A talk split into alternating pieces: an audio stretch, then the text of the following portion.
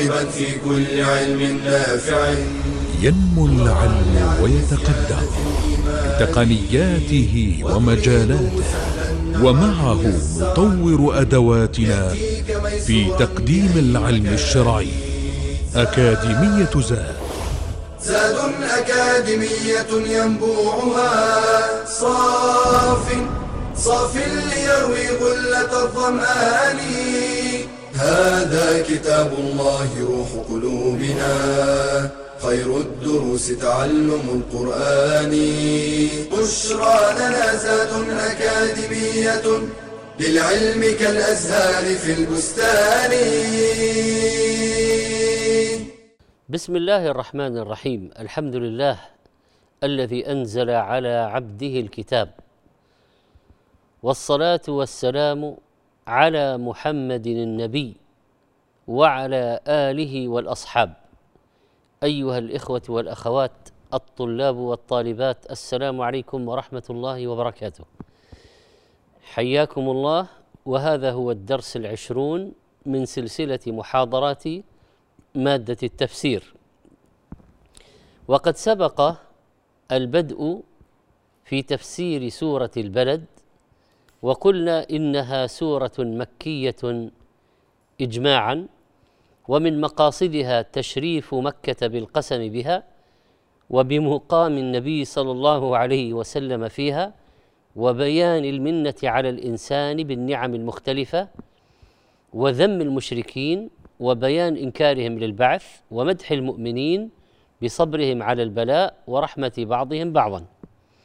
وقد أقسم الله تعالى في مطلع السورة بمكة فقال لا أقسم بهذا البلد وأنت حل بهذا البلد يعني حلال بهذا البلد والحلال ضد الإحرام وأن الله أخبر نبيه صلى الله عليه وسلم بشره بهذه الآية المكية أنه سيفتح مكة وأنها ستكون حلالا له وقد حصل ذلك عام الفتح وحرمتها بقيت إلى قيام الساعة. وقوله تعالى ووالد وما ولد قيل هو آدم وذريته والراجح أنه عام في كل والد وكل مولود.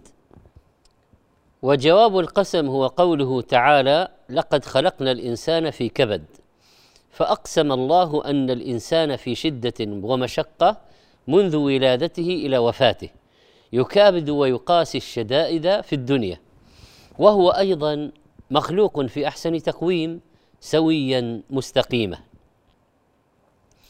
وقوله تعالى أيحسب أن لن يقدر عليه أحد؟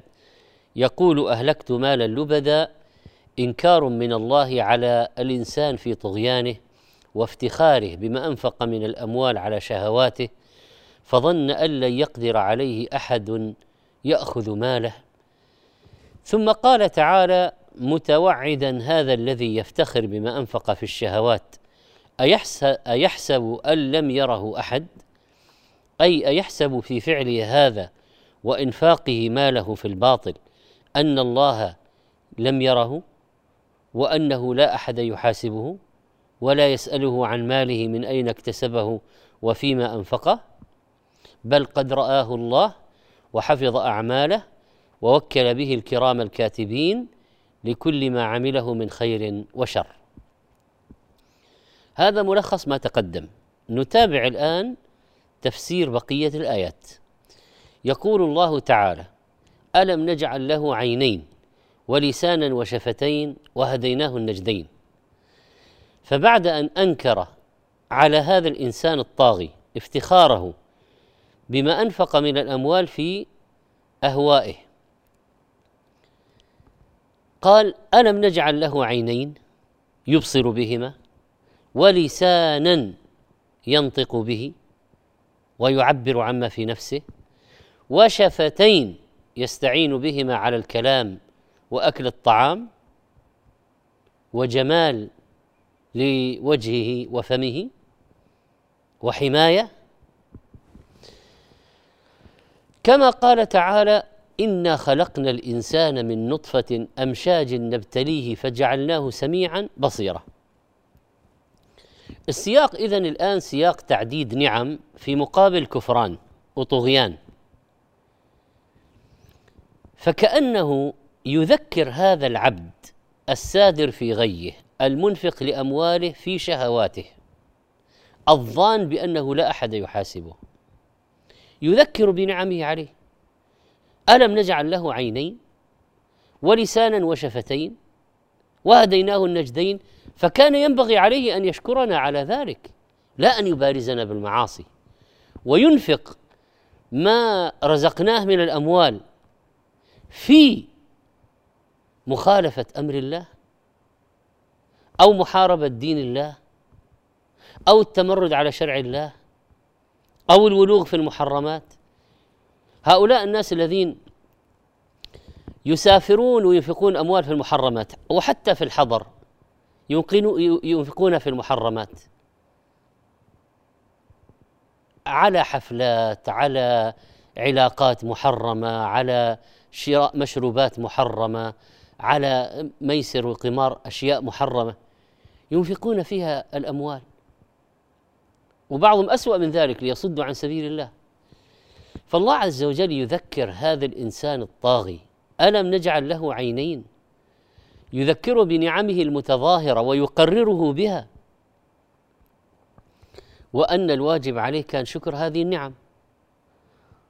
قرأ الفضيل بن عياض رحمه الله ليلة هذه الآية فبكى. فسئل عن بكائه فقال هل بت ليلة شاكرا لله أن جعل لك عينين تبصر بهما؟ هل بت ليلة شاكرا لله أن جعل لك لسانا تنطق به؟ وجعل يعدد النعم.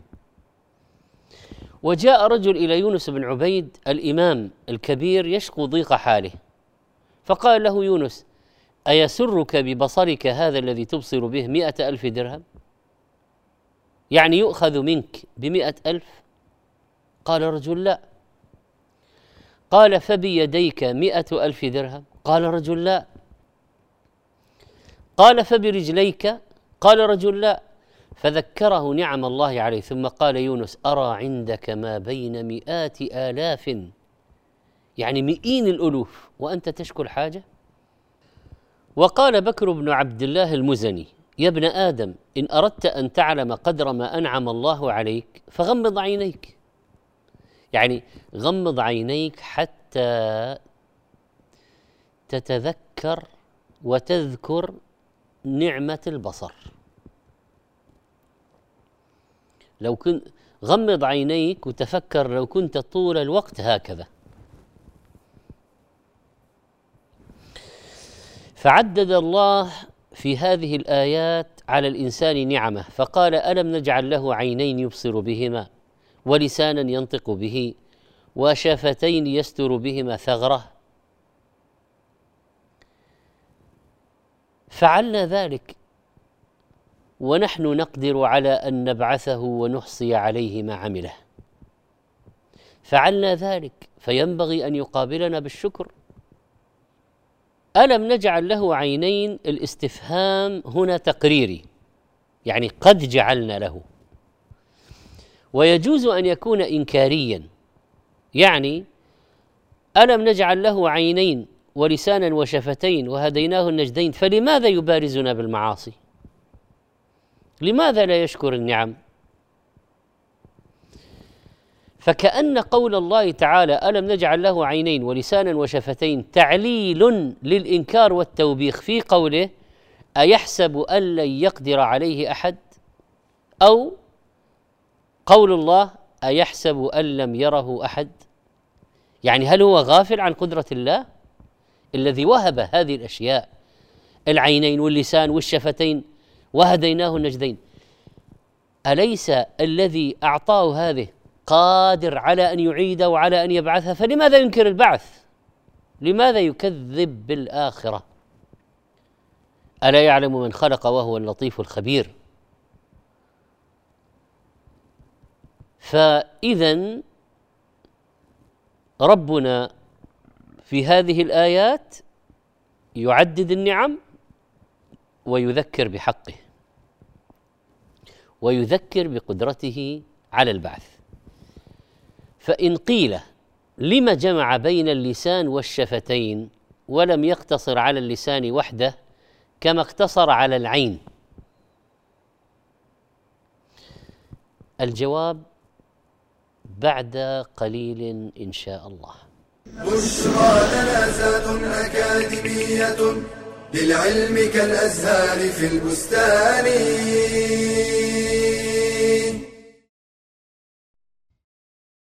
في عالم سريع التغير هائل التأثير تتعاظم أهمية دور الوالدين في تربية الأبناء وتنشئتهم النشأة الصالحة المبنية على الرقابة الذاتية فهو عالم خطير متنوع بأدواته التكنولوجية وبما ينتجه من قيم وأفكار وملهيات تمارس دورا ملاحظا وملموسا في تكوين وتشكيل عقول أبنائنا ونفوسهم.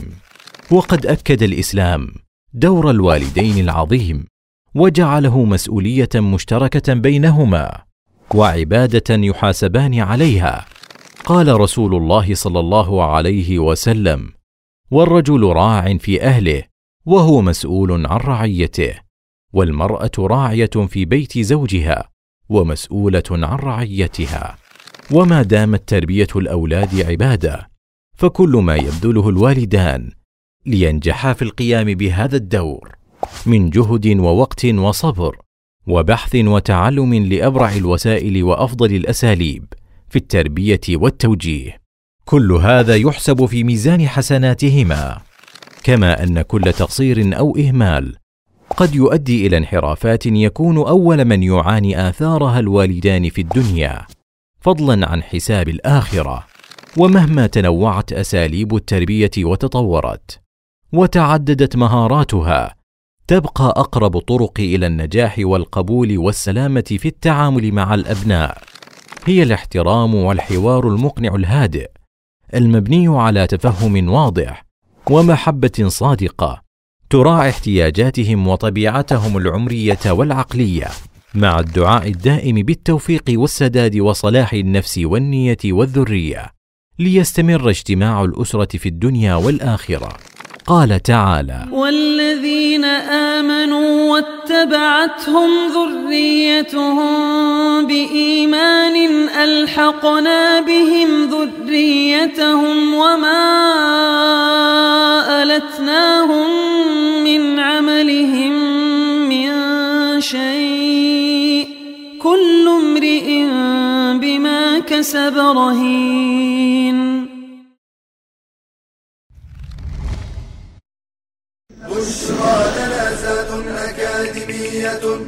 للعلم كالأزهار في البستان.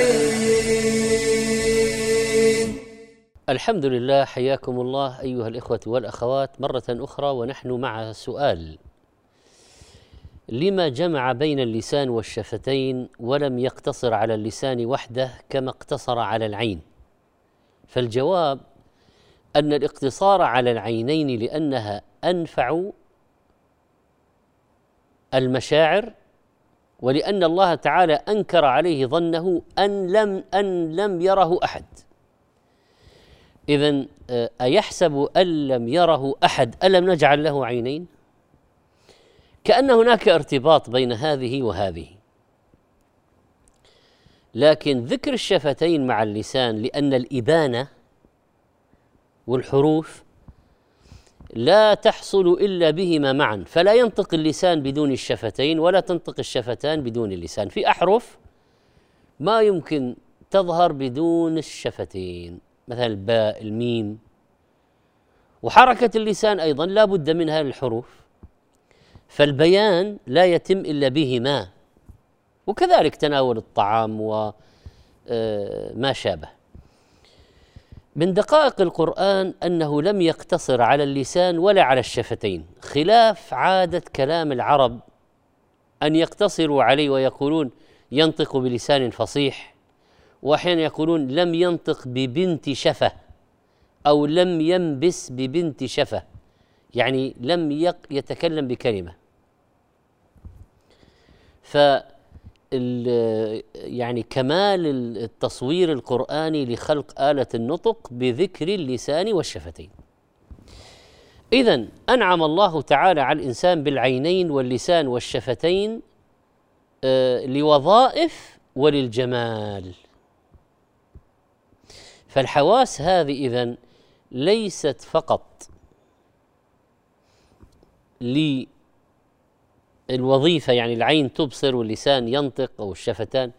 أيضا فيهما جمال الشفتان العينان الأنف. فهذه من نعم الدنيا.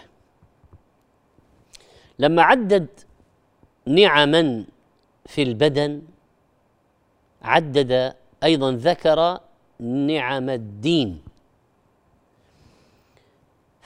فألم نجعل له عينين ولسانا وشفتين؟ هذه من نعم البدن ونعم الدنيا. وهديناه النجدين نعم الدين يعني طريقي الخير والشر والحق والباطل والهدى والضلال.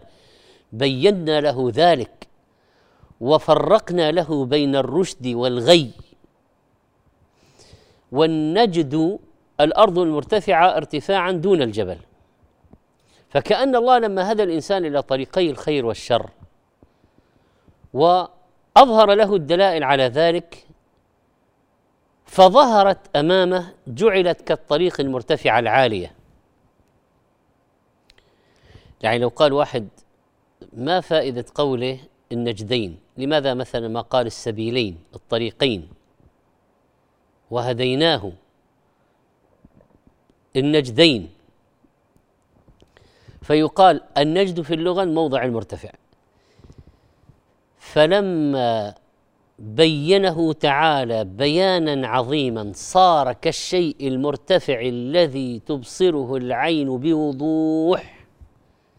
من البيان صار من البيان والهداية هديناه صار كالنجد المرتفع العالي الواضح. كوضوح الطريق العالي للأبصار. وهذا كقوله تعالى انا خلقنا الانسان من نطفه امشاج نبتليه فجعلناه سميعا بصيرا. انا هديناه السبيل اما شاكرا واما كفورا. وقال من اي شيء خلقه من نطفه خلقه فقدره ثم السبيل يسره. وهناك ملاحظة لطيفة ذكرها بعضهم. في آه، التعبير بالنجدين. أن النجد هو المكان المرتفع والمكان المرتفع آه، في نوع صعوبة في آه، صعوده والارتقاء عليه. فهذه مناسبة لجو السورة الذي فيه ذكر المكابدة. لقد خلقنا الإنسان في كبد ومشقة. وهذا سيكون أنسب مما لو قال السبيلين أو في الأرض السهل السهلة وإنما قال النجدين. كذلك مناسب لاقتحام العقبة فلا اقتحم العقبه التي ستأتي بعد ذلك والعقبة طبعا في أيضا اقتحامها مشقة وشدة. اذا المعنى الآن سبحان الله الذي خلق للإنسان عينين ولسانا وشفتين وجعل الإنسان بصيرا بنجدي الخير والشر قد عرفه بهما وأطلعه عليهما وبينه لهما لكي يختار ويسلك الطريق السويه طريق الخير ومن هدي إلى هذين الطريقين وعرف بهما كيف يترك سدى؟ لا يمكن. وهل النبوة والرسالة والوحي والقرآن إلا لتكميل هداية النجدين؟ اذا تأمل الإنسان في حاله وخلقه وبيان الله له وتأهيل هذا الإنسان لاقتحام العقبة. ما أجل نعم الله على العباد ما أعظم هذه المنن الجزيلة. فلا اقتحم العقبة وما أدراك ما العقبة. فلما أنكر الله على الإنسان طغيانه وافتخاره بما أنفق من الأموال على شهوات نفسه وأنه كان ينبغي عليه أن ينفق المال في القربات والطاعات. ذكر الأمثلة من فك الرقاب وإطعام الجوعى واليتامى والمساكين حتى يتجاوز العقبة ويسلك طريق النجاة. فما هي العقبة؟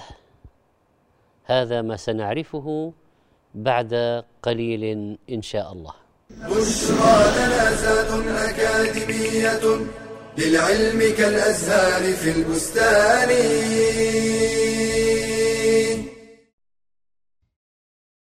إمام عادل وخليفة زاهد من أشهر الخلفاء الأمويين وأشبه الناس سيرة بالخلفاء الراشدين قال عنه أنس بن مالك رضي الله عنه ما صليت وراء إمام أشبه بصلاة رسول الله صلى الله عليه وسلم من هذا الفتى فمن هو؟ إنه أمير المؤمنين عمر بن عبد العزيز بن مروان القرشي الأموي وأمه ليلى بنت عاصم بن عمر بن الخطاب رضي الله عنهما. ولد سنة إحدى وستين للهجرة بالمدينة ونشأ فيها عند أخواله فتأثر بهم وبمجتمع الصحابة رضي الله عنهم. وحفظ القرآن وهو صغير. في سنة سبع وثمانين للهجرة ولاه الوليد بن عبد الملك إمارة المدينة. ثم ضم إليه ولاية الطائف إحدى وتسعين للهجرة ليصير واليا على الحجاز كلها. وقد كان في هذه المدة من أحسن الناس معاشرة وأعدلهم سيرة. كان إذا وقع له أمر مشكل جمع فقهاء المدينة عليه وقد عين عشرة منهم كان لا يقطع امرا دونهم أو من حضر منهم. لما تولى سليمان بن عبد الملك الخلافة قربه وجعله وزيرا له. وفي تسع وتسعين للهجرة كتب سليمان بن عبد الملك قبل وفاته كتابا يستخلف فيه عمر من بعده. صعد عمر المنبر بعد توليه الخلافة وقال أيها الناس إني قد ابتليت بهذا الأمر عن غير رأي كان مني فيه ولا مشورة من المسلمين وإني قد خلعت ما في أعناقكم من بيعتي فاختاروا لأنفسكم فأجابه الناس قائلين قد اخترناك يا أمير المؤمنين ورضينا بك فول أمرنا باليمن والبركة. اجتهد رحمه الله في فترة ولايته وكانت سنتين وخمسة أشهر وأربعة أيام. فعزل الولاة الظالمين ورد المظالم وانتصر للمظلومين ونشر العدل بين المسلمين. فضلا عن نشره للعلم وعمله بالشورى. وأمره بتدوين الحديث النبوي. في الخامس والعشرين من رجب عام مئة وواحد للهجرة توفي عمر بن عبد العزيز رحمه الله تعالى وجزاه عن عدله وفعاله الحسنة خير الجزاء.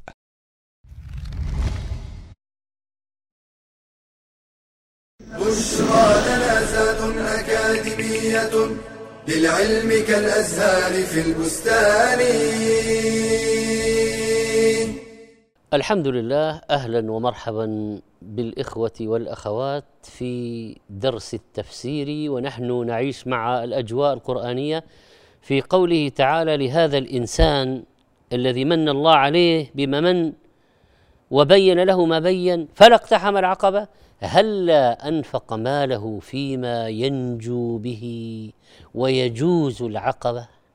من فك الرقاب وإطعام الجوعى فيكون ذلك خيرا له من إنفاقه في عداوة الدين والنبي عليه الصلاة والسلام والإنفاق في الشهوات المحرمة. اذا الآية للاستفهام الذي بمعنى الإنكار تقديره أفلا اقتحم العقبة؟ أو هل اقتحم العقبة؟ هذا معنى فلا اقتحم العقبة. إنه يتضمن معنى الاستفهام أو الحظ ألا أو هلا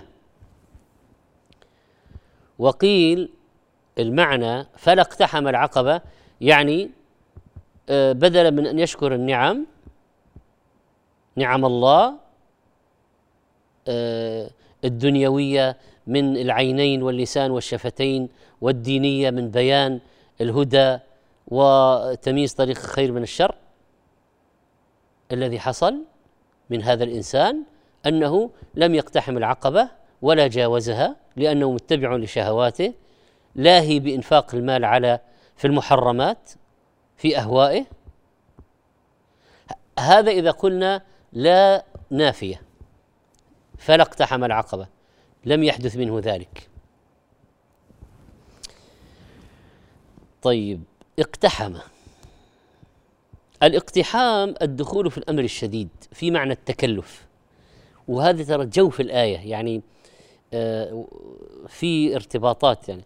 لقد خلقنا الإنسان في كبد نعم ثم آه، هديناه النجدين ثم فلاقتحم ثم العقبة. الجو واحد في الشدة والصعوبة.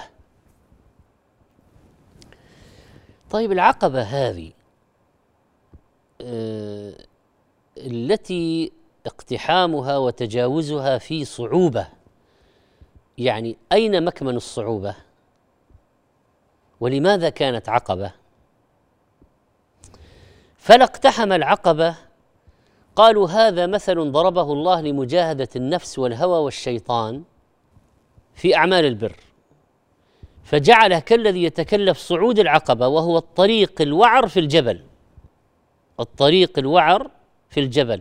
المسلك الصعب في الجبل. فمجاهدة النفس لفعل الأعمال الصالحة ومجاهدة النفس لترك المحرمات تحتاج إلى شدة قوة فيها صعوبة. فشبه تكلف الأعمال الصالحة بالقيام في الواجبات والقيام في البرد لصلاة الفجر والجهاد في سبيل الله والأمر معروف والنهي عن المنكر. شبه تكلف الأعمال الصالحة ومجاهدة النفس في ترك المحرمات باقتحام العقبة. كيف تصعد في الجبل في المسلك الوعر الصعب في الجبل؟ هكذا النفس في رياضتها ومجاهدتها في ذلك شدة ومشقة. فقال الحسن رحمه الله هنا عقبة والله شديدة مجاهدة الإنسان نفسه وهواه وعدوة من شياطين الإنس والجن. فإذا كانت لا نافية فيكون المعنى إن هذا الإنسان الذي أنعمنا عليه لم يحمل على نفسه المشقة بعتق الرقبة ولا الإطعام ولا آه، جاهد نفسه لأجل ذلك وإنما اعطاها الهوى اتبع الهوى وتمنى الأماني ولم يقم بالواجب. وقيل شبه عظم الذنوب وثقلها على مرتكبها بعقبة. فإذا أعتق رقبة وأطعم وعمل صالحا كان كمن اقتحم العقبة وجاوزها وهي الذنوب التي تضر وتؤذيه وتثقله فتغلب عليها بالأعمال الصالحة المكفرة للسيئات. هذا معنى آخر. وقيل أيضا في معنى العقبة إنها جبل في جهنم روي ذلك عن ابن عمر رضي الله عنهما وقال الحسن وقتادة عقبة شديدة في النار دون الجسر فاقتحموها بطاعة الله. وقيل هي الصراط الذي يضرب على جهنم. طبعا القول الذي سبق أنه الجبل في جهنم وأنه دون الصراط أن هناك أيضا عقبة دون الصراط يحتاج إلى أو دون الجسر يحتاج إلى دليل إثبات يحتاج إلى دليل. أما القول إن العقبة هي الصراط فالدليل على وجود الصراط قائم موجود صحيح. فيكون المعنى فلا اقتحم العقبة. يعني هلا عمل من الأعمال الصالحة ما يجوز به الصراط المضروب على جهنم؟ الثابت المعروف. لأنك لأنه ما من أحد سيدخل الجنة إلا ويمر فوق النار. وإن منكم إلا واردها يعني مار عليها. كان على ربك حتما مقضيا. ثم ننجي الذين اتقوا ونذر الظالمين فيها جثيا يسقطون في النار والعياذ بالله. إذا تفسير العقبة بالصراط أيضا هذا آه، معنى آه، آخر. وقول معتبر أيضا والأقوال هذه في الطبري والنكت والعيون والبغوي وزاد المسير والقرطبي وابن كثير والسعدي التحرير والتنوير وغيرها من كتب التفسير. هذا المعنى يشبه قول الله وإن منكم إلا واردها كان على ربك حتما مقضيا و قول بعض المفسرين حمل العقبة على عقبة جهنم كما قلنا آه، يحتاج إلى دليل وإذا لم يوجد الدليل فيكون التفسير آه، غير وجيه بهذا. وقال بعضهم إنه بعيد لأنه لما قال وما أدراك ما العقبة فسرها بفك الرقبة وبالإطعام. وهذه الأعمال إنما تكون في الدنيا. إلا أن يحمل الكلام على أن المراد فهلا صير نفسه بحيث يمكنه اقتحام عقبة جهنم أو الصراط غدا؟ فالمعنى لم يأتي في الدنيا بما يسهل عليه سلوك العقبة في الآخرة. فالآية فيها الحظ معنى الحظ. فهل سلك الطريق الذي ينجو به؟ هل اقتحم العقبة؟ طيب الآن الأعمال الصالحة هذه فك رقبة أو إطعام في يوم ذي مسغبة إلى آخره هذه أين ذكرت فيما سبق؟ الجواب في النجدين لأن لأن النجدين طريق الخير وطريق الشر فطريق الخير يشمل هذه الأعمال الصالحة. طب معنى الآن هذا الكلام أن اقتحام العقبة فيه مشقة وجهد وأن القيام بالأعمال الصالحة وترك المحرمات ليس أمرا يعني سهلا لا يحتاج إلى مجاهدة لا بل يحتاج. أيضا قوله تعالى فلا اقتحم العقبة وما أدراك ما العقبة.